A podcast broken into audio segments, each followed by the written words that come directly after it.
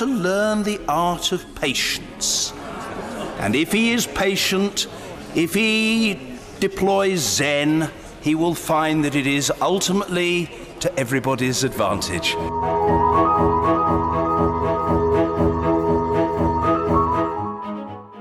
Hi everyone, welcome to the SRV podcast. My name is Armen Hakverdian. I'm a political scientist at the University of Amsterdam. You can follow us on Twitter at StukRoodVlees. You can follow me at Hakverdian or visit stukroodvlees.nl. You can subscribe to this podcast in whichever app you use, and uh, while you're there, rate and review us, please. As you've probably noticed, the podcast is on a bit of a hiatus. I have a very heavy management task at our department, um, and that leaves very little time for anything else, including my beloved podcast. Uh, the days that I recorded, you know, one episode per week, sometimes two, those are a distant memory, unfortunately. But I'll try to record a podcast whenever I have the time. I still have a year left on my term, so, you know, I can only ask for your patience. Anyway, over to today's episode. The UK welcomed a new Prime Minister and a new monarch in the same week. Joining me to discuss these historic events is our old pal Rob Ford, Professor of Politics at the University of Manchester. Most of the episode is about British politics. We talk about Boris Johnson's demise, uh, the aftermath of his resignation, and the election of Liz Truss. Towards the very end, we talk about the passing of Queen Elizabeth and the timing and substance of some of the criticisms of the Queen. Rob and I actually disagreed on this one, which might be a first. You can follow Rob on Twitter at Rob Ford Mancs. Enjoy.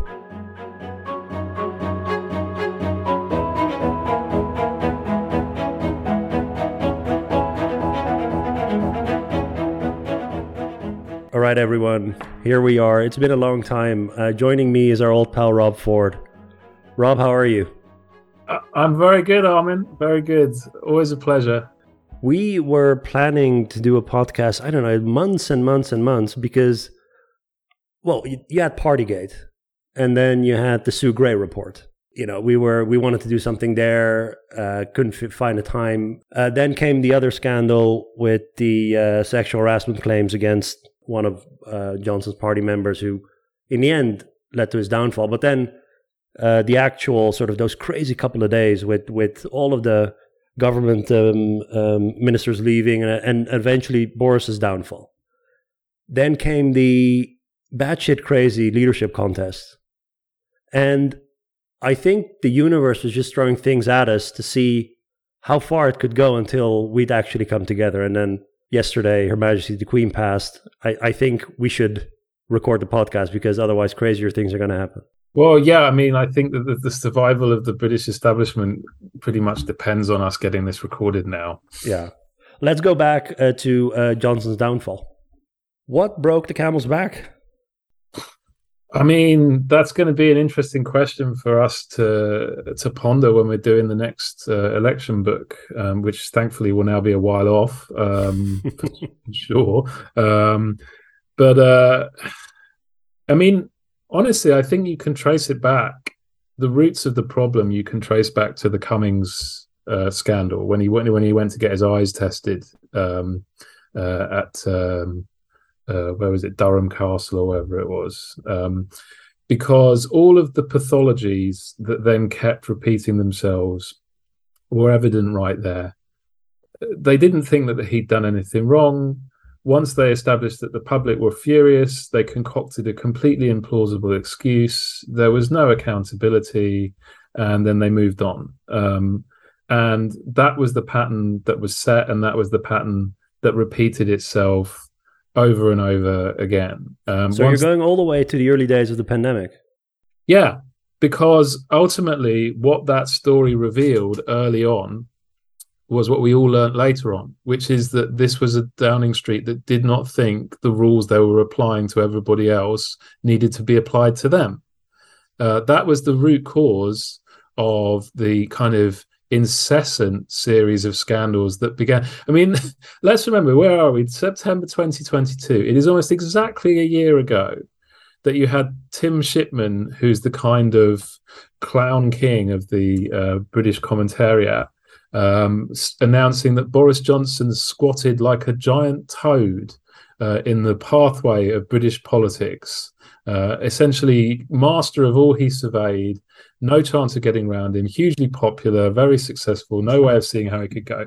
And within weeks of that, the first of these stories broke, and then they just kept coming. And it was always the same themes. You know, it was like a series of episodes from a really tired sitcom where the scriptwriters have run out of ideas. You know, always there was some prattishly ridiculous event taking place uh, at some completely insensitive time uh, uh, when everybody else was locked down. The, the favorite one, given when we're sort of talking and, you know, the, uh, soon soon after the queen's passing let's not forget they had a party the night before prince philip's state funeral while the queen was sat on her own and then she went to that funeral on her own. They were not following those rules even then. I mean how did they not see how stark staringly obvious it was that this was not the right way to behave? I do not know. But ultimately once that started to come out it was always in my view a question of when not if johnson would go. The only question was when would we hit the threshold? Because he was there was no threshold for him. He has no shame. He was never going to go voluntarily. So the question became when is this going to become more than the people who are keeping it in office can endure? In the end, you know, you have the moral side of, you know, did you, you know, maybe violate some norms here and there?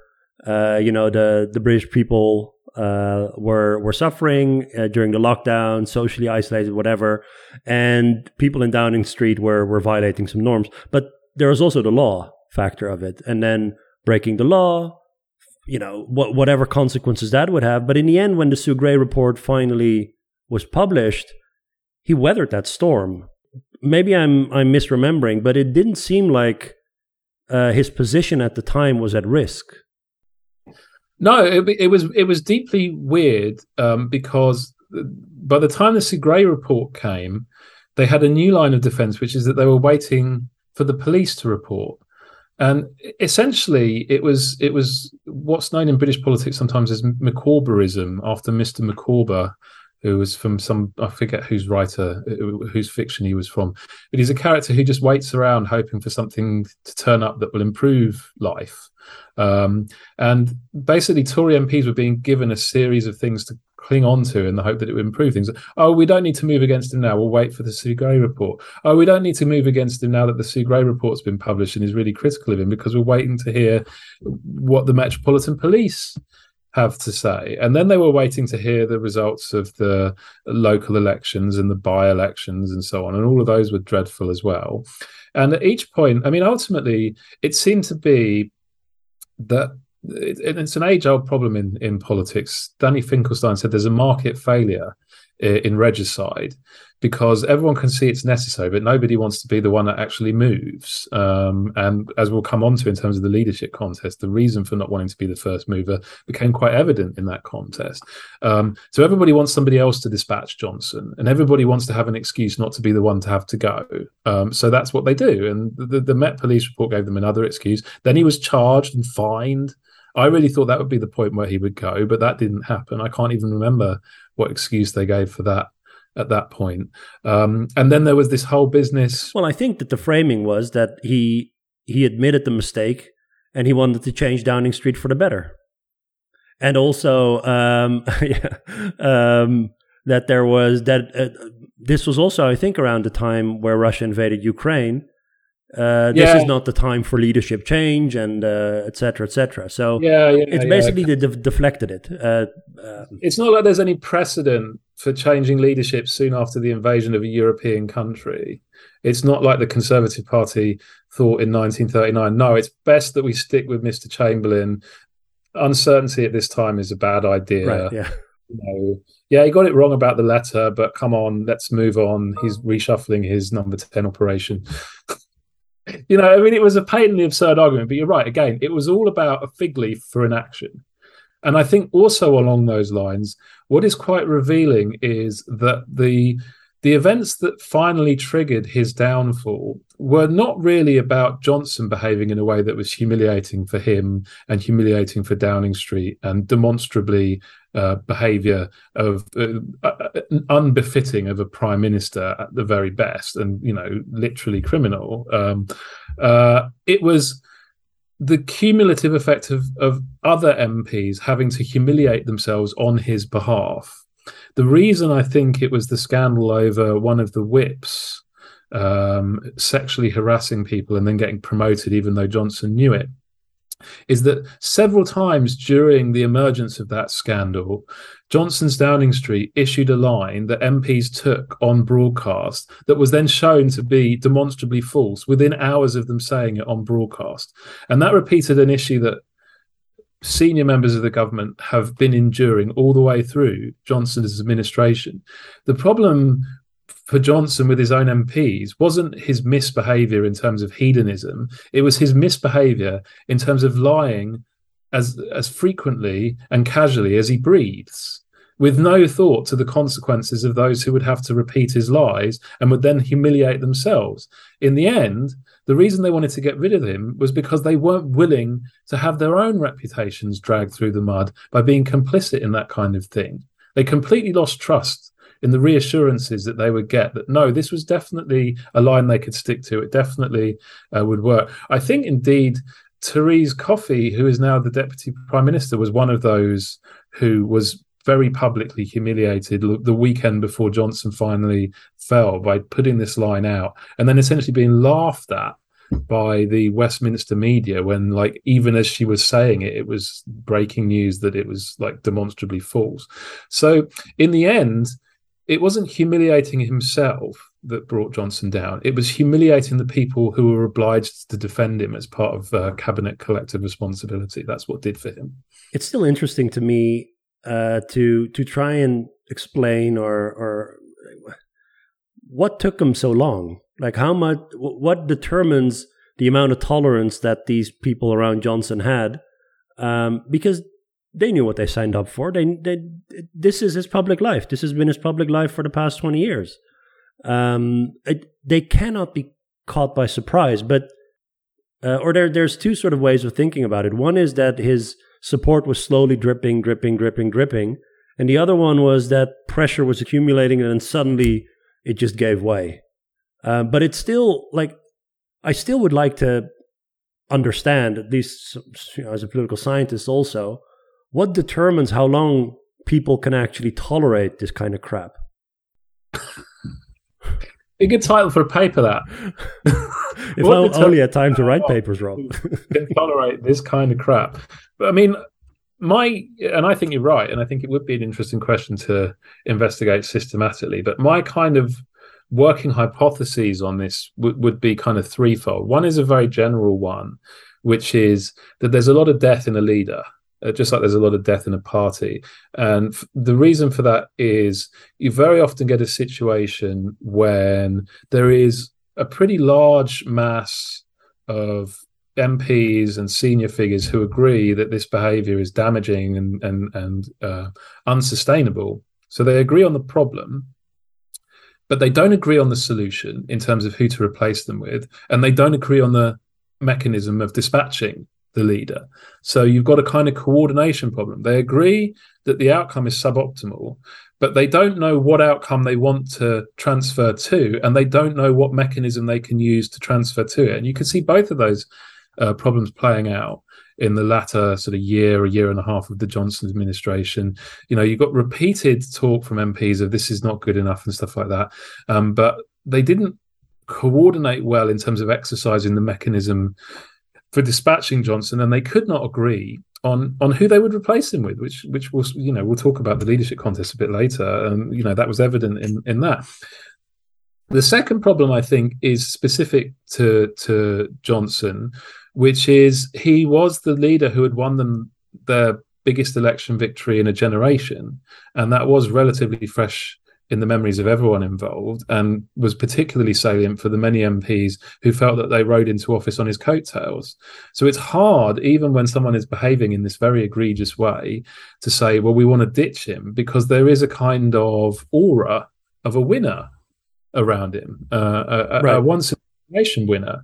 Um, and then the third factor is events. Um, you know, he may maybe Johnson would have been gone uh, by the end of 2020, but for COVID intervening, um, because nobody felt that it was a good idea to change a leader in the middle of an unprecedented national lockdown. Then he enjoyed a big popularity boost with the vaccines, and then when we get into the winter and these scandals are breaking again, it looked like it was we were coming to a kind of crisis point. And then you get the the, the war in Ukraine, which again bumps his numbers for a little bit. And also, you know, the Conservatives sort of very big on national defense and all that. It gave them, you know, either an excuse, cynically speaking, or a genuine, you know, heartfelt motivation of we don't want to change leader when this extraordinary, you know, biggest international crisis in post-war European history is is unfolding in its early stages. So he was the beneficiary of events as well. That probably prolonged his his term in office. Um, uh, you know, so events, big election win, and the, the basic coordination problem of it's it's one thing to say we have a problem; it's another thing to have a solution to it. So on that big election win, right? Because that was in the past. Um, and this aura of invincibility and, and whatever it might be. An alternative explanation why people want to get rid of him now is because his popularity was plummeting and he was seen as an electoral liability. It's just a very rational explanation. It's nothing to do with public morals or public humiliation. It's just that they were not going to win the election with him. He was costing them votes. I think with some by elections, there was also, uh, it wasn't just the polls, it was some actual elections. So maybe that's a simple explanation. Um, they used uh, Johnson when they could, and um, now that he could no longer deliver, get rid of him. Yeah, yeah. I mean, uh, but of course, one of the things that was buoying up his popularity was events. Mm. Um, you know, his numbers uh, a, roughly a year ago, last last summer when we were coming out of lockdown, were very high. Uh, and I remember writing at the time that this looked like a vaccine bounce. It probably wouldn't last. Uh, his numbers began to sink in the autumn and then sank very fast. Um, but there was still a long gap. I mean, he was posting numbers in in you know sort of October, November, December last year um, that were as bad or worse as Margaret Thatcher's at the time of the poll tax crisis, as Jeremy Corbyn's in the run up to the 2019 landslide defeat, um, as John Major's after the ERM crisis. You know, historically terrible numbers.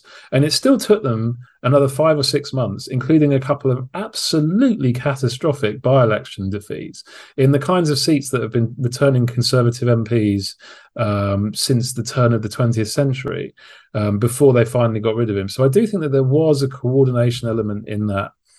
Uh, as well, you know, if, if it was simply uh, when he's popular, we stick with him. Once he's unpopular, we get rid of him. Then he, he should have been gone by the end of last year, but he, he wasn't. so uh, you um, uh, wrote a book, co-authored a book. It was written also by co-authors. Who were they, Rob? Uh, Will Jennings, uh, Paula Surridge, and Tim Bale. Right. The um, British election of 2019. Uh, you know, not to be, you know, not not to kiss your ring, but a few uh, generations from now, people might be looking back at. Let's see what, you know, this Boris Johnson. What what was that 2019 election that he, yeah, that he, you know, he he won so decisively. Um, is there anything in that election that you think indicated that had he stayed in office, he could repeat? Um, in all honesty, no, because I think that that election win was an example of a masterful strategic positioning uh, to maximize the, the available benefits from a very unusual context.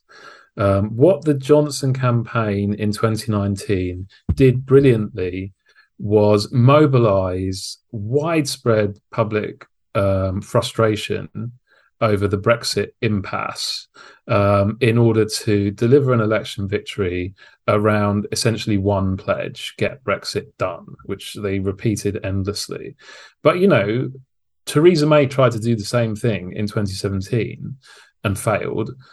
The reason Johnson was able to do better was number one, the, the level of frustration was was higher, the demand for resolution was higher. May was talking about I'm going to do these negotiations in the future, uh, and I need a mandate for that. As Johnson was saying, we've done the negotiations, we're still stuck. We just need to just finish. We need to, you know, have an oven ready deal, um, you know, and uh, I, God, I, just it all comes to... back to me now that you mentioned yeah, yeah, oven ready deal. That's that's why he's waving a pie around on the cover of our book because that was the sort of visual metaphor for the oven ready deal. Um, and what what Johnson was very very good at in that campaign was firstly message discipline on that core issue. You know, you, you are pissed off because Brexit hasn't happened. I will make it go away. If you elect me, it will go away. But secondly, also message discipline in a different way, which was clearing away everything that might possibly interfere with that. What's what's often forgotten now, but is actually quite salient and relevant to the politics of our new prime minister, is that Johnson was the biggest spending conservative in terms of his manifesto pledges since Harold Macmillan in 1959. He promised more pie for everybody more oven ready pies uh, in terms of leveling up, in terms of hospitals, in terms of education, uh, in terms of policing, lots of things. Lots of big spending pledges, which was important because of the third factor, which is Jeremy Corbyn. The thing that Cor- Corbyn himself was never massively popular, but in 2017, after we had gone through like seven years of austerity politics, his promise of more goodies for everybody went down really well with big sections of the electorate. Um, but as some of the Corbyn staffers themselves told us with regards to 2019, the problem we had now was Boris was also promising more of stuff for everybody. And although it was a smaller number than our number, the argument have lots of stuff versus nothing is an easy one to win. The argument our big number is better than their big number is much harder to win with voters because all they hear is whoever they vote for, they get more hospitals, they get more schools, and so on. So they, they very masterfully neutralized one of the main appeals of Labour, while at the same time, um, Labour themselves had really blotted their copybooks both on Brexit because um, they'd been kind of gradually dragged into a position of favouring overturning the referendum, which put them at odds with some really strategically important groups of voters. But also Corbyn himself, because of the scandal over anti Semitism, because of the scandal over the Salisbury poisonings, which, from the perspective of 2022, looks even worse as a story than it did at the time.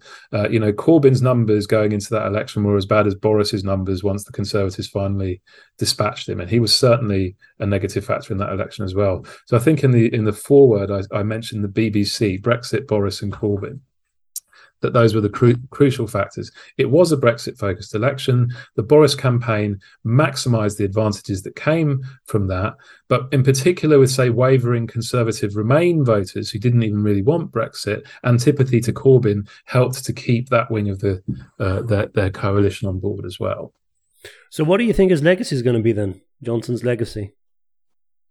He got Brexit done. well, did he? Um, well, he did not you know, when I say he got Brexit done, what I mean is he irreversibly took us out of the. Yeah. The, and I, I, don't expect us to go back into the main EU institutions probably till at least I'm drawing a pension. Um, so, and he set the template from which future the you know the baseline from which future negotiations have to be conducted.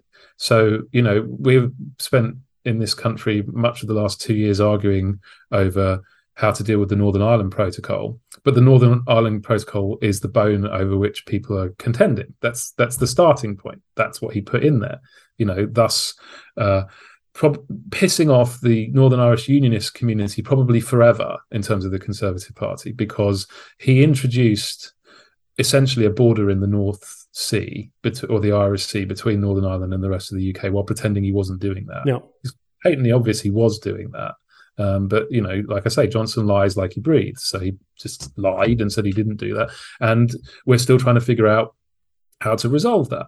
Similarly, you know, he left the details of all sorts of relations with the EU institutions, the details of how we manage customs, the details of how we manage our research uh, collaborations, and so on, up in the air.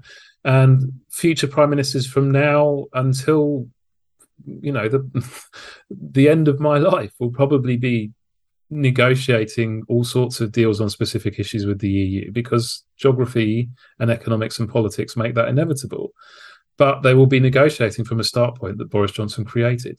It could have been a very, very different start point So, in a sense, that is his legacy. There's also another type of sort of Brexit legacy, which is as time goes goes by, it will become clear what the actual consequences of this decisions were. For instance, in terms of economics, um, also maybe in terms of migration control, uh, and that might not be as rosy as um, Boris and his band thought it would be. It's, I mean, it's interesting you mentioned both economics and migration control because we can already see quite a lot of movement in public opinion already on both of those issues. So already voters, including Leave voters, have become much more pessimistic about the economic impacts of Brexit. I mean, five years ago, if I could caricature, m- the median Leave voter probably would have believed a lot of the narrative of you know the sunny uplands outside of Brexit, you know Britannia Unchained, and all this kind of stuff. It was going to deliver major economic gains. Now the narrative is more yes, it's costly, but it's still worthwhile. You know, because people will always try and produce narratives to legitimate their partisan identities, and there's still a strong partisan identity for them, but they're no longer billing this as some sort of a major economic boon. They're regarding it instead as a necessary you know it's become more like a sort of wisdom tooth operation. You know it's painful um, but it's still worth doing because leaving the wisdom tooth in is worse.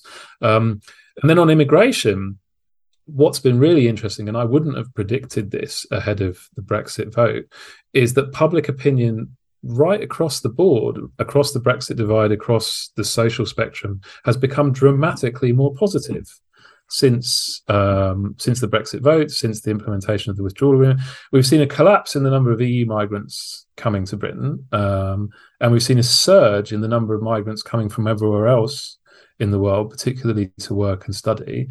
And I think most people, myself included, would have predicted that that would have sent the salience of migration bouncing right back up again. And the kind of voters who don't like migration would be very upset about this nothing of the sort has happened. And I genuinely don't know why, um, but it does seem to be one significant shift in public opinion since Brexit is that on most of the measures that I track uh, on this stuff, the British public are now more pro migration, more pro the impacts of migration, more pro the benefits of letting in different kinds of migrants than they have been at any point for which we have polling in the whole of polling history. So then there's the Brexit legacy, but of course there's also the public image, the lying, the the sort of illiberal norm violating, all all of that stuff. Like I can't imagine people looking back 20, 30 years from now and one of the first things that they remember that that wouldn't be all of the lying and the lying about the lying and dragging other people with him through the mud that that whole part of his persona yeah i mean any anyone who actually had worked with Johnson during his long career and claimed that they were surprised by that aspect of his premiership is themselves lying. Of course. It was he was who he was. Everyone knew that. I mean, Phil Phil Cowley did a kind of potted profile of him in in our book. He did a chapter for it, and it was essentially he lies to everyone. Uh, he has an unknown number of children. He leaves scandal and chaos in his wake. He's an agent of destruction. Uh, he's interested only in one thing, and that's the advancement of Boris Johnson. He has no friends. He has no allies. He cannot be trusted. Um, he will destroy everything he touches.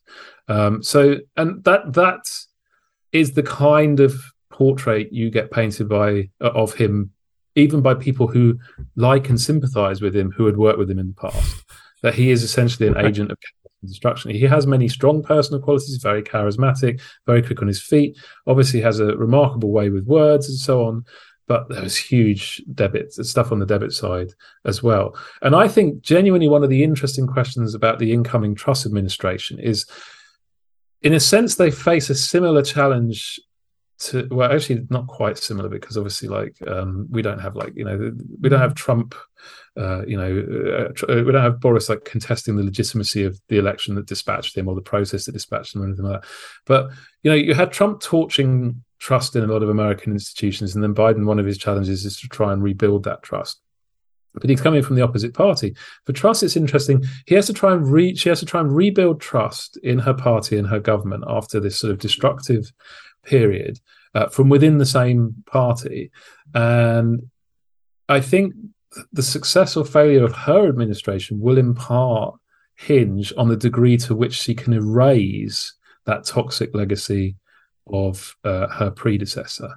Um, and you know, as you say, it's going to be a challenge simply because those things currently loom very large in voters' minds, and they're very angry about them. I think it's a good segue to to the leadership contest because many of the people who were competing for the leadership were his prime enablers uh, in the cabinet. Although um, I think, am I? Is it is it right that Sunak was the first one to submit, or was it uh, the Saj? I don't. I remember which one of the Saj, two. The Saj went first. He was the first one. Okay. Sunak went like 15 minutes later. Yeah. I was I was at my son's football practice, and one of the other dads, because they know I'm a politics professor, came and said, "Oh." Sajid Javid has resigned. What does that mean, Rob? And I was like, I'm, I'm not sure. I'm not sure it's Boris Johnson. And then, like 10 minutes later, another dad came and said, Rishi Sunak's resigned. I was like, Are you sure? Isn't it Sajid Javid? Like, no, no, Rishi Sunak's resigned too. and You're just trying whole... to watch the game. Yeah, yeah, I'm just trying to watch my son put in his big two footed Tony Adams tackles, you know. Um, uh, and then, you know, within a couple of days, we had like this enormous torrent of resignations. And then there was this weird, sort of surreal couple of days where, you know, Downing Street kept briefing that Johnson would fight on, even though he didn't have like a functioning cabinet left, and that he was going to carry on like appointing randoms until he ran out of MPs that weren't willing to resign. Then we had someone who got appointed to the cabinet and resigned within a day of being appointed right. to the cabinet. And my favourite bit was like on the night when there was like about 12 ministerial resignations, he also chose to fire Michael Gove because I'm not giving him the satisfaction of resigning him. I'm just gonna I'm just gonna fire him. Um, yeah, so it was it was weird and surreal, and then in the end, and this is one of those ways in which I think Johnson Trump comparisons get overplayed. Johnson is an agent of chaos, but he is also ultimately a respecter of the establishment and of the current political order. He's a child of that. So once it became clear that it, the position was untenable, he bowed to the inevitable and said that he was going to go. He didn't try and stay on in a situation where staying on could well have generated some sort of a constitutional crisis. He he just accepted his fate. Well, the big uh, surprise to many of us. Uh, looking from the outside was just how fucking big your government is. How many? Yeah, people? yeah, no. There's a lot of lot of people available to. to the deputy undersecretary of whatever the, you know, the duchy of uh, something or other. Oh, that's a government minister. No, it's not a minister. Is it can you explain just what are the what are the circles of uh, well, UK government? What, what's going on there? It seemed like there was 50 people or something there's the cabinet, which is like the top team. Yeah, it's like the directors, and then you've got the ministers who are like the sort of you know middle management role. So there's a sort of team of ministers in each department, and then there's a cabinet minister who's the head of the department, and then there's the undersecretaries of states and principal private secretaries who are like basically the Dwight Schrutes of the government. assistant to the regional manager or assistant exactly, regional manager? Exactly. So there were, there were a lot of resigning Dwight Schrutes um, who nobody particularly cared about, but they wanted to have their moment in the sun, you know. Michael?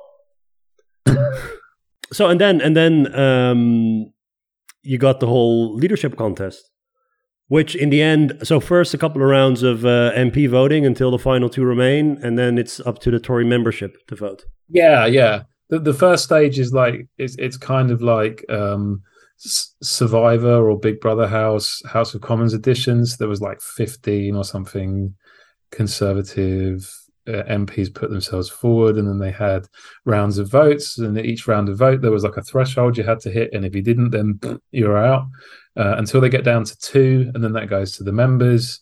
Uh, and a couple of rising stars managed to make names for themselves in the parliamentary um, voting. Kemi Badenoch, who is uh, a black conservative MP who's um, made a lot of waves by being very, very anti woke and all this kind of stuff. And so she was she, she, did very well with the right of the party early on, uh, and then Penny Mordaunt, um, who's sort of a bit more difficult to classify ideologically, but she's quite, you know, photogenic and um, she was making kind of a fresh start type pitch went down quite well. She she ended up in second place in some of the early rounds of voting but then sort of faded.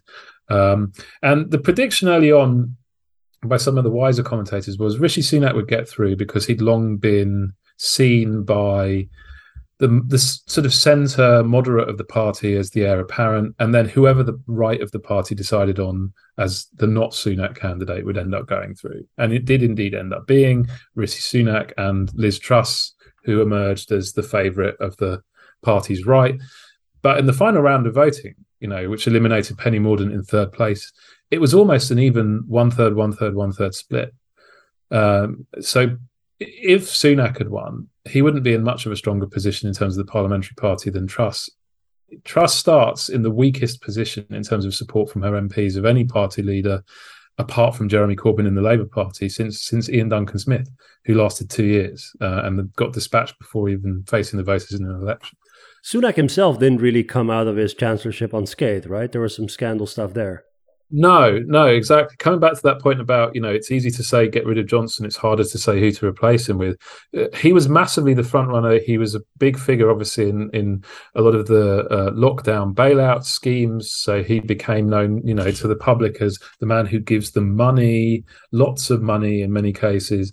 Um, uh, so he was very popular. He was the most popular member of the government for quite a long period. And then in the early spring of this year, uh, a scandal emerged concerning the fact that his wife has non-dom status, which is an obscure thing that we have in Britain to enable rich people to come and live here while pretending.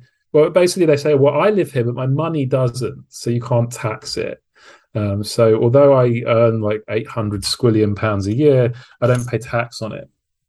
And Rishi Sunak was like, wow, it's nothing to do with me, what my wife does with her tax affairs. I'm just the Chancellor of the Exchequer who signs off on the people who are non doms. It didn't really fly with anybody. Uh, it underlined to voters who often weren't aware of this fact before this point that Rishi Sunak is the richest individual ever to sit in the House of Commons in terms of his family's, his household wealth, right. not him personally. Then it emerged also that he still had an active green card in the US, which would give him a right to just migrate to America anytime he wanted, uh, which I can't remember if that's like even strictly speaking legal or legit, but certainly is an odd thing for someone who's serving in a British government to do. Normally, MPs are keen to emphasize their commitment to the nation. Uh, holding a kind of get out of jail free card is a odd way to demonstrate that commitment net consequence of all of this is that his numbers went through the floor.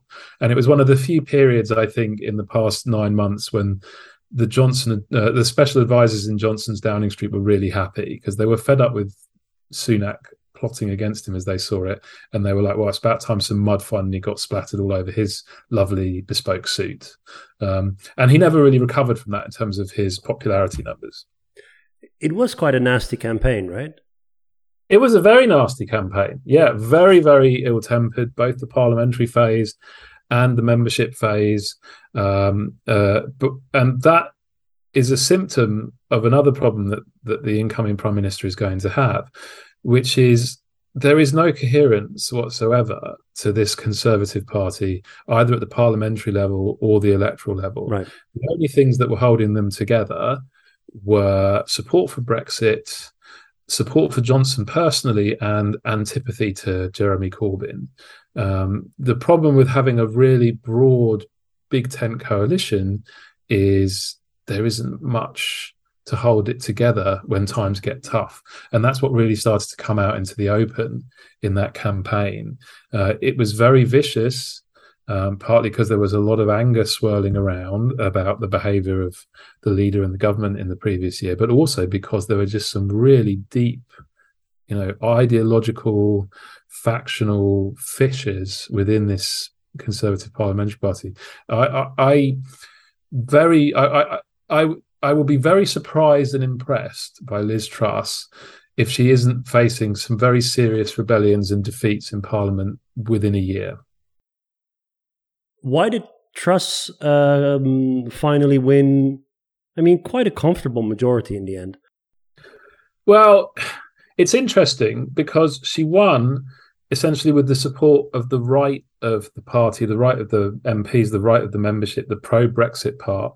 She's a former Lib Dem who voted Remain. Yeah.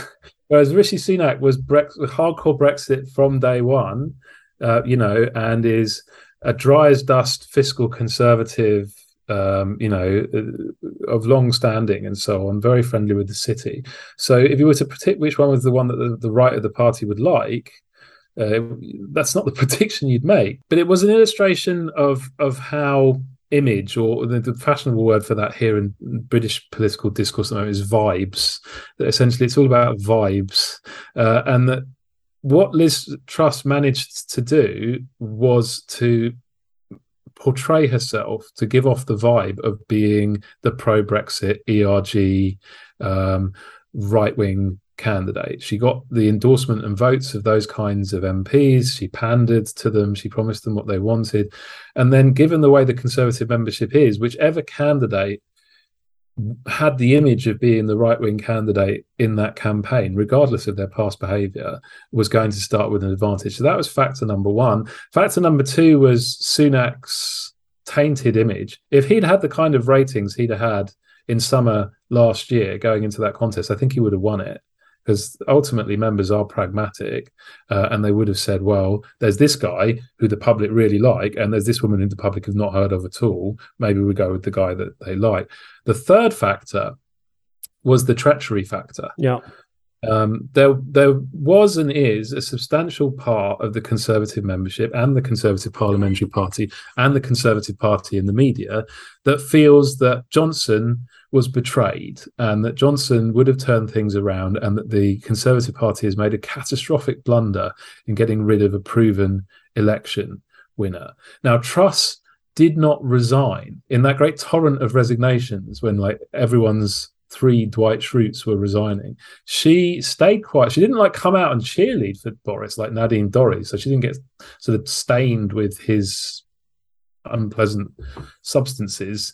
Um, but she didn't resign, which was really critical. And Sunak, of course, was one of the first two to resign that triggered the whole process. So for a pretty substantial portion of the Conservative membership, maybe a quarter, maybe even more, they, they were ruling Sunak out of contention because he was the betrayer, he was the assassin, he was the treacherous, uh, um, you know, Brutus who had you know, Johnson would like that illusion. He likes classical illusions. He was the Brutus who had knifed down the glorious leader and was now trying to pretend that he was the virtuous one all along. So that was probably a pretty significant factor too. And that indeed was the outcome that many senior figures feared as this old cliche uh, he who wields the knife never gets to wear the crown. Aside from with Michael Heseltine, there's not really any clear cut evidence that it's true in terms of leadership contests, but it is widely believed. And what happened this past summer will help to keep that legend going for another 30 or 40 years. Everyone's going to think if there's another unpopular prime minister, well, I don't, I'd, I'd like to be able to get rid of him or her, but I don't want to be the next Rishi Sunak, who, you know, everyone thought they were going to be PM. And then because they did the previous PM in, nobody would vote for them. So we're we're left here with a situation where you have your fourth prime minister in six years, I believe. Yeah, yeah. Right? Cameron 2016, then May, then Johnson, and now you know more than the Italians have managed. You know, we are the new Italy. Well, that's where I was going to go for some I don't know cross national frame of reference. Um, a couple of weeks ago, uh, I wouldn't say we celebrated. Um, we commemorated maybe that Mark Rutte is now the longest serving prime minister in Dutch history. How long? Um, How long is that? Since 2010. So that's going to be 12 oh, years. That's longer than Thatcher. Yeah. so, so here's my point. That's um, a long um, time. Yeah. So in my lifetime and yours, because we're, I think we're both 41. No? Uh, 1981. You're, you're one. What, I'm 1980. You're one year. In your lifetime, then, you've had nine prime ministers. Let's take 82 because otherwise Dutch nerds are going to be harassing my Twitter timeline. Oh, there was one more before. Uh, so since 1982, the past 40 years, it's and, and that's interesting to me because one party majoritarian Westminster style government is supposed to be more quote unquote stable than like this fragmented party system that we have. I mean, you've made frequent jokes about our, you know, everyone gets a party. That's still the case. It's even more so than it was before. Um, but what underlies all of that fragmentation, and of course we've had multiple cabinets, is only four prime ministers. I mean, I do think it's a very interesting phenomenon. Not not least also because it's it's a relatively novel phenomenon here in Britain as well. I mean, the first twenty seven years of my life, from yeah. nineteen eighty until two thousand and seven, three prime ministers. Right. Yeah. Thatcher, Major, Blair. Um, uh, and so, really, this is all kind of post Blair chaos. If, if only we'd have stuck with Tony, then maybe none of this would have happened. Careful, um, careful. um, but I mean, I, I, I wonder if the stability of in the early sort of decades of my life and the stability that you're seeing in the Netherlands now have a kind of common cause, but they look on the surface different. So what Thatcher and Blair in particular were able to do was, thanks to certain kind of unique personal qualities, hold together uh, election winning coalitions that actually contained relatively unstable moving parts that changed over time. They were flexible enough to adapt, um, but um, also uh, able to you know recognize where are the strategically important groups that I need to keep on board. But what they were doing was that was all done internally within one party. So there was there was coalition negotiation going on, but it was within a particular party's electoral and interest coalition. Whereas in the Netherlands, perhaps what you get is a situation where one individual possesses the unique capacity to keep reconfiguring majority coalitions across a number of different parties. And that probably involves a slightly different skill set. But again, it can be a skill set that's actually really difficult to achieve. But I guess the other factor, which is structurally different and unique, is all the way through this, right? Rutte's party's been the biggest.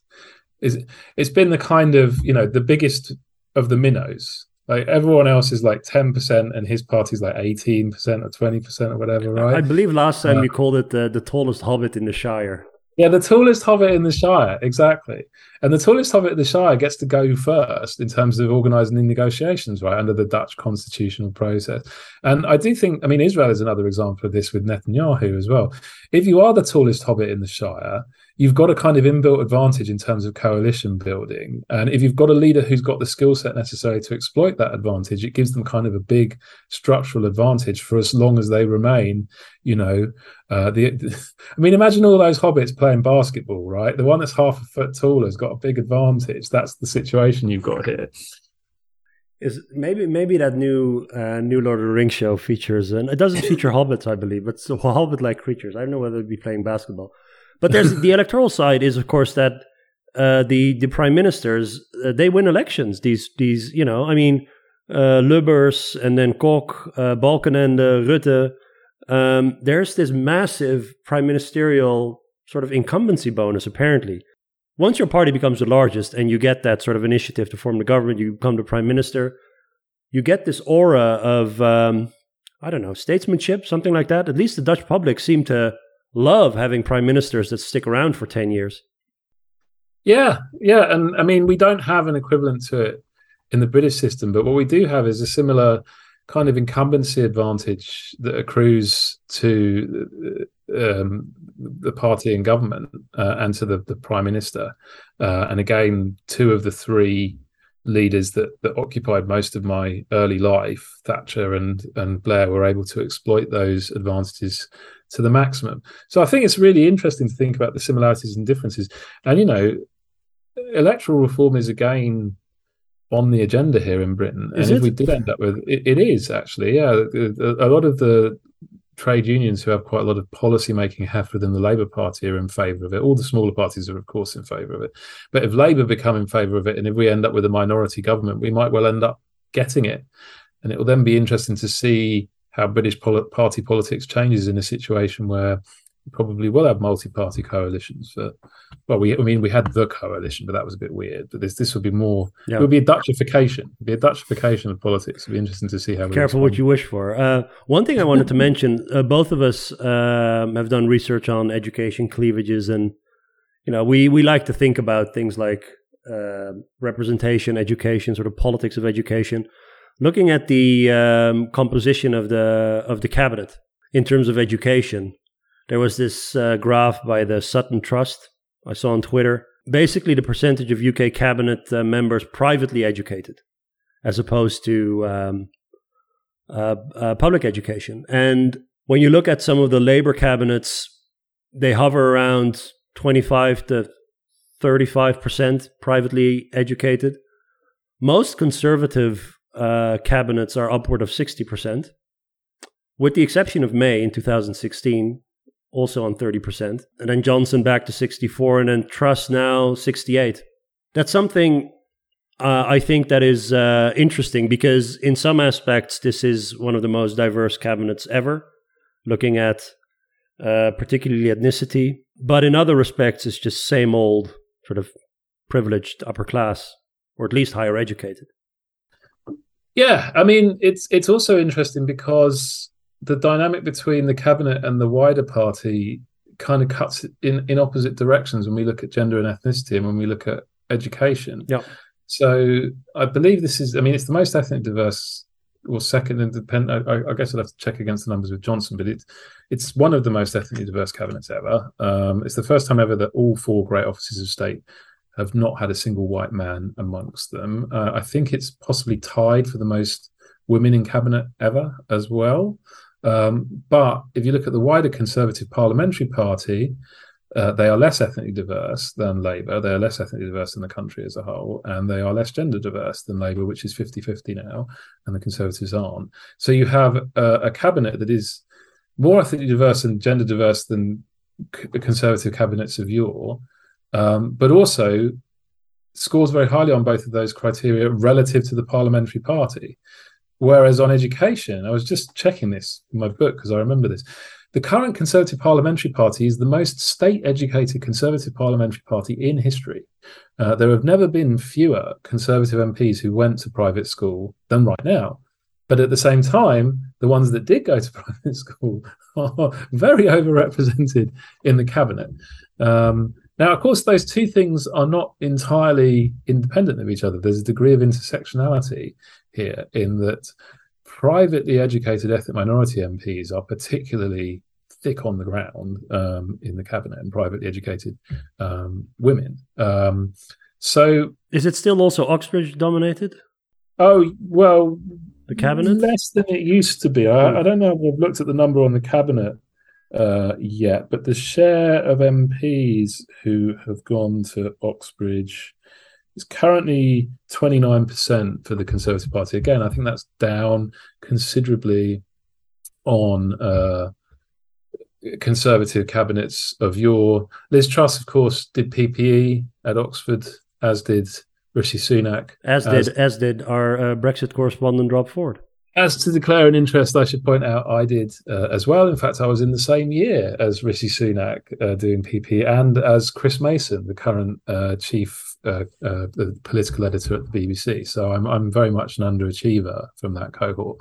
Um, uh, so yeah, there's still a lot of Oxbridge MPs around. Obviously, and you've written about this in the past, Armen. The the other area where you see Parliament as a whole really grossly under uh, you know mis- misrepresenting the public it seeks to represent is that it's completely dominated by graduates. Um, uh, you know uh, the single most unrepresented group in parliament is people who didn't go to university um, because i think only about 15% of our mps didn't go to university. So you know representation is a complex business. And related to that also occupations and class and things like that yeah, yeah, yeah, exactly. And those things will then overlap very strongly with, with class.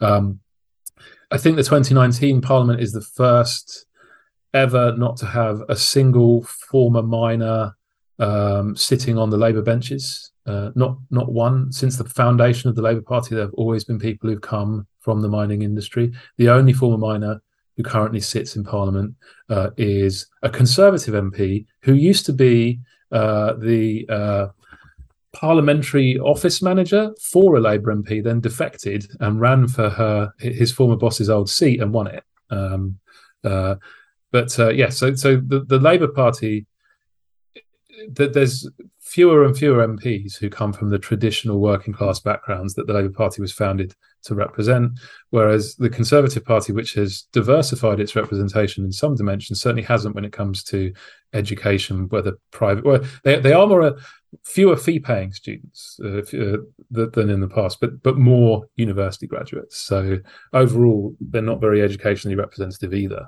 One final point before we get to the Queen. Um, Liz Truss was not elected uh, or she was not the leader of the Conservative Party or party leader for that matter when um, becoming prime minister in the sense that you know some people say she doesn't have a democratic mandate the way that you would have when you um, when you're when you win an election right mm. and some of uh, boris's um, uh, supporters actually use that as an argument to stick with boris because he has a democratic mandate his succession successor would not have a democratic mandate that has to be among the most disingenuous positions to have because I think it's a really rich uh, British tradition to get rid of a prime minister and have someone else in between elections take um, take power, including uh, of those past prime ministers we've been talking about. A lot of them took this route.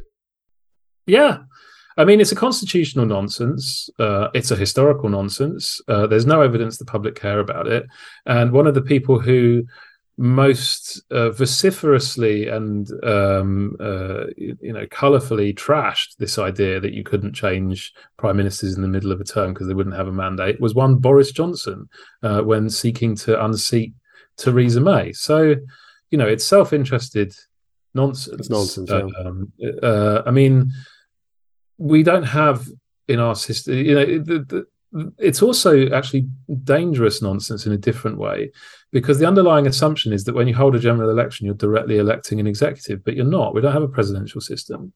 You're electing a parliament and then parliament decides how to organize itself into a government. If you don't like that way of organizing things well then fine change the system. But don't complain when the system delivers the outcome it's supposed to which is that if a government's not functioning very well you dispatch it and install another one. That's what it's supposed to do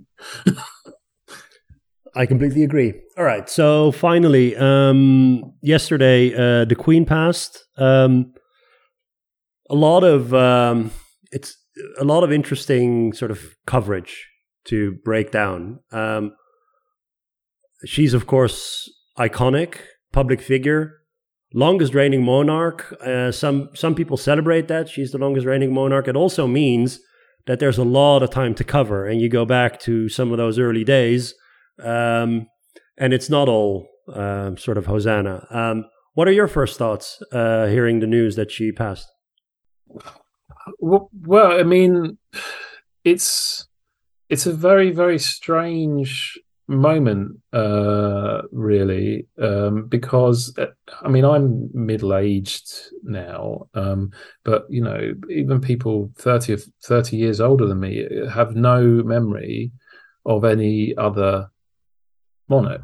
Uh, I believe 90% of the people currently drawing breath on the planet were born during the reign of Queen Elizabeth II. You know, she's been in charge since 1952. It's an extraordinarily long period of time. So it does feel very strange. And that that kind of expresses itself kind of really odd ways. Like they keep referring to the king on TV. I have never heard that word with regards to my own country. No one has. It sounds weird who used to hearing the Queen. When they refer to senior lawyers, it's QC. That's now KC. That's going to sound weird.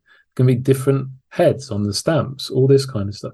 So it's one of those situations where what Michael Billig called banal nationalism very long time ago really kind of comes to the foreground. You notice all the little everyday symbols that sort of reinforce your sense of who your country is, because the thing that is on all of those symbols is this monarch which and it's been the same person for so long you kind of forget that those symbols are personal symbols that they represent an individual. You just think of them as an institution. But now the individual changes and it's i mean it's going to be really really interesting to see what sort of repercussions that has. I mean the first thing that's happened is that the whole country's kind of gone on pause mode There'll be no Premier League games tomorrow. The Test match is on hold. It's not clear if it will carry on. Which is a source of some distress to me. Um, you know, all sorts of major and minor sporting events are stopping. The social media accounts of essentially every business in Britain, major or minor, is is issuing posts with their condolences. Some of which end up being a bit surreal. So Domino's Pizza has expressed its deep condolences about the passing of the Queen, uh, Ann Summers, the Crazy Frog, amongst others, uh, all joining in the chorus of um, mourning, uh, presumably because nobody wants to be the account that gets bombarded with angry people saying you've, you've disrespected the Queen and all the rest of it. So it does feel like a kind of yeah, one of those moments where the stage is empty between one scene and the start of another, and it's not quite clear what the new scene will look like. But everyone has a sense of, you know, uh, closing and opening. Um, but because no one, practically no one alive, can remember a transition of this kind before.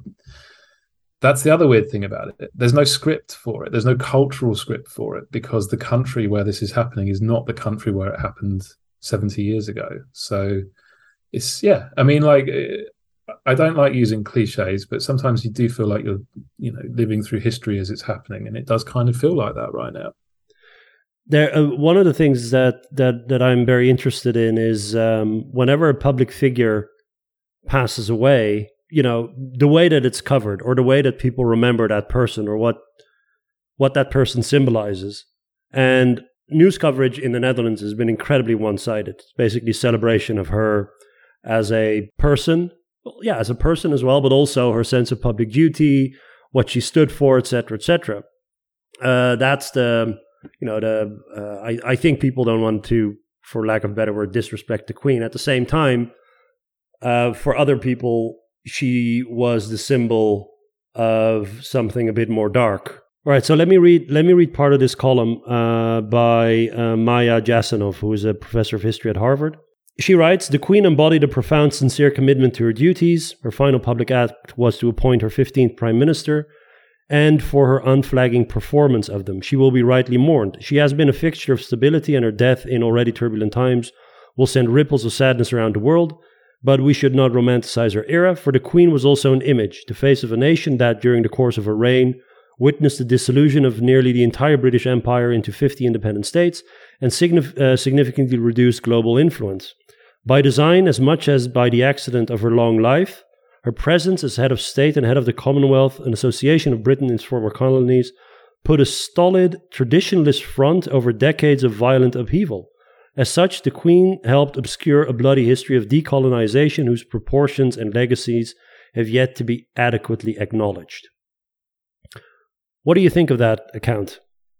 Well, a few things. Um, I mean, the first is um, I think it's entirely right and correct to assess the darker sides of empire and the role of the monarchy in that. And there's been a lot of that in the last decade or so, the Queen's reign here. Um, but to do it the day after she dies strikes me as poor judgment, poor taste, actually. Um, the second thing that I would say on it is it's going to be coming back to that point about a nation trying to write history without a script. It's going to be a really interesting thing to watch uh, in terms of our media political class deciding when exactly is the right point to reopen that conversation. How much uh, you know sensitive and appropriate silence should should be because you can be certain that the right will want it to go on the respectful silence to go on for as long as possible, and the left will want to break the silence. But how do we negotiate that transition to a more normal discussion about the Queen's uh, legacy? Uh, is actually going to be quite a tricky thing uh, to manage. And like I was mentioning, it's pretty clear that there's a, a very broad political consensus uh, in Britain right now that, that doing this the day after she died was not appropriate. Um, and so you don't believe that public figures uh, especially the ones of this stature, it is part of them being public figures. That the day they die is also part of public discourse. And especially if you're as iconic as the Queen, the well, reason I think that people watch uh, British weddings, uh, royal weddings, as if you know, all over the world, and um, I mean, you were talking about about Domino's Pizza. The NFL uh, yesterday had their opening game, and they had a moment of silence for the Queen uh, before the game started. Is partly due to the fact that British Empire uh, covered so much of the globe that it's become sort of this this global phenomenon. But that, of course, has has its uh, that that brings consequences with it. So to me personally, I'm um, I'm really interested in in historical figures and public figures as shades of gray rather than black and white. I don't like when public figures are being remembered and mourned as one dimensional, sort of good or bad. I think what's interesting with with the Queen is that I mean I have no idea in a constitutional monarchy. Obviously, your powers, formal powers, are limited anyway. So whether or not she had a direct impact on whatever happened um, during uh, all of these eras of, of, of, violence and, and, and oppression in in um, uh, in former colonies, I don't know. She is a symbol, and for some people, she's a symbol of something that they look back on fondly or nostalgically, and for others, it's you know it's with uh, it's in her name that some of these atrocities were were carried out. Well, it's a tricky area, right? Of course. Um, and of course, you know, this is an American professor writing for an American audience, so it's it's not the same. All I can say is how it's been received in Britain, and it has not been received well. Right. And I think part of that is timing, but part of it also is substance. Um, so if I, if I, can make the kind of, which is a very unusual position for me to be in, because I'm not like a kind of uncritical fan of the monarchy, but if I can make the case from Buckingham Palace, as it were, uh, with regards to this article. Point number one, as you say, the, the Queen is a constitutional monarch. You know, she had no role to play in what happened in the Indian partition or the Mau Mau uprising or the, the bloody decolonization of Zimbabwe and the multifarious other ways in which the empire on whose stamps her head was on uh, kind of disintegrated. You know, she, it wasn't like she could do much about many of those things directly. But as you say, she has a very important symbolic role to play. But I feel that that article focused only on the negative aspects of that symbolic role. Whereas, in fact, when you look at the Queen's reign, when she has exercised that symbolic role, she has tended to exercise it in efforts towards reconciliation she worked towards building the Commonwealth as a voluntary set of institutions, including a number of Republican institutions that don't have her as head of state, uh, and to try and create this as a sort of how would one describe it? As, as, some sort of an association of nations that didn't have the kind of negative connotations of empire. And of course we can argue whether or not she was successful in that what is clear is that it wasn't a project that was aimed that was it was at least a project aiming to, to try and do some good uh, um, to offset the ills to do with that. But more specifically and this has been doing the rounds on social media and i have relatives in ireland so i know these stories very well. Ireland's relation with the rest of the british isles is of course one of the most torturous stories in european history um, to put it bluntly we have treated them like shit here in England for hundreds of years. They have an awful lot of justified grievance about us. And therefore, the monarchy is a symbol of a lot of stuff that the Irish don't like. And a lot of blood has been spilled over those grievances, including quite recently. Therefore, the Queen's visits to Northern Ireland and to the Irish republics were profoundly symbolically important. Now, when she went there, at the invitation of the Irish president, Mary McAleese, in 2011, I think it was, or 2010, the Irish president tried to encourage her to introduce her speech in Gaelic, which would be a hugely symbolic act because Gaelic was a language the English spent 400 years suppressing. The royal protocol flunkies were all dead against this because they said it was a huge risk. What if the Queen got the pronunciation wrong? That would be the only thing anyone remembered from the trip, etc., etc. Um, and the Queen had apparently gone along with this and said she wouldn't do it. Then, when she opened the speech, she opened it in Gaelic. And if you watch the video of it, you can see that the Irish president is nonplussed by this because she's not expecting it to happen. So, when presented with an opportunity to do something symbolic, an act of reconciliation, in a speech, incidentally, where she repeatedly refers to the injustices of history and the need to learn lessons from them, that's what she did. And I think this is why a little bit of time needs to pass. You know, there are some, you know, the monarchy is by its nature a very polarizing institution. I'm not a massive fan of it. But a lot of British people will have very complicated emotions about the monarchy, and they don't want a polemical take on day one. They're not going to hear it, they're just going to get pissed off by it. In particular, if the polemical take is perceived to be not entirely fair towards somebody who has a nuanced record, shall we say, uh, a, a, a complicated record on many things.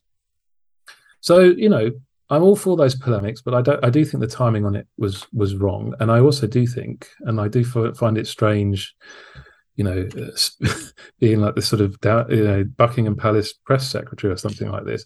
Uh, I do think that there are, there are a lot of pluses to the Queen's reign. That actually, Britain, like the Netherlands, like Spain, like France, um, like in a very different way, Germany, has had to spend much of the past 50, 60 years trying to come to terms with a very different uh, position in the world and trying to come to terms with the wrongs they inflicted on much of the rest of the world.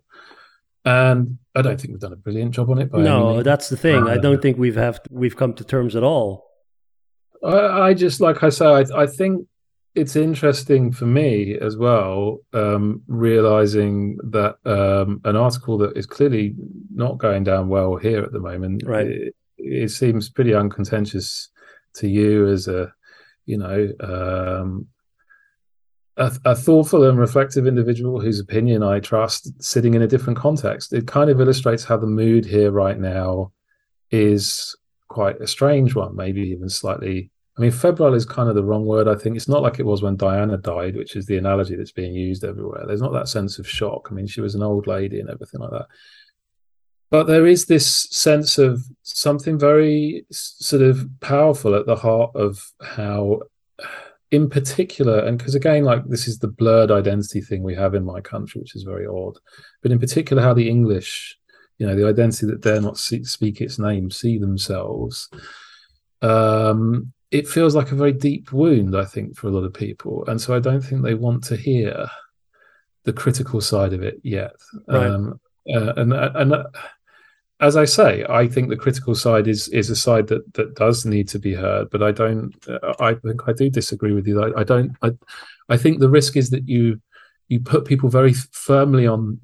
I mean, yeah, I understand, but I when is the right moment to speak of these things? Because, as you say, it's been a while since these empires formally sort of, um, you know, ceased to exist, and every time, sort of the the timing has been, this is not the moment. No, this is not the moment because this. This is not the moment because. Oh no, I don't. I don't. I don't think that's true. Uh, I mean, I think there's been an awful lot of literature in Britain critical of empire, lots and lots and lots of it, um, all uh, all the way through uh, the Queen's reign. Uh, in in fact, um, uh, so I don't I don't think that that's I mean that that's a pretty rich tradition. I mean, our current serving Chancellor. Uh, Kwasi Kwarteng wrote an award-winning book about the complex and often damaging legacy of empire in many former imperial countries. One of which, of course, he, his family hails from.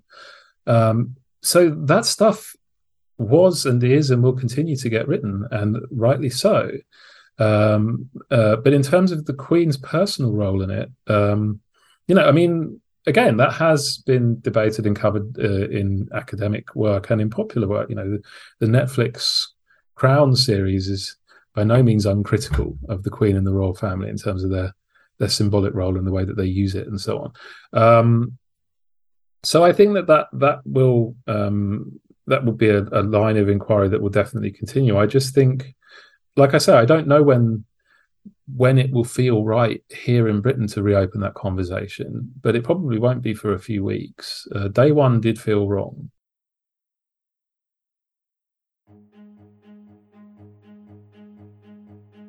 All right, Rob. Thanks so much for everything. Um, let's not wait for so long for our next podcast. Yeah, yeah, exactly. I mean, we've had governments crumble, monarchs die, and all the rest of it. Let's make sure that we. Uh... Even in the absence of events, we should talk to each other more regularly. yeah, well, it's been a pleasure. It's always a pleasure to to, to join you, Armen. And, uh... Likewise. So people can follow you at Rob Ford Mancs on Twitter. Um, yes, that's right. Please do. Thanks for listening, everyone. See you next time.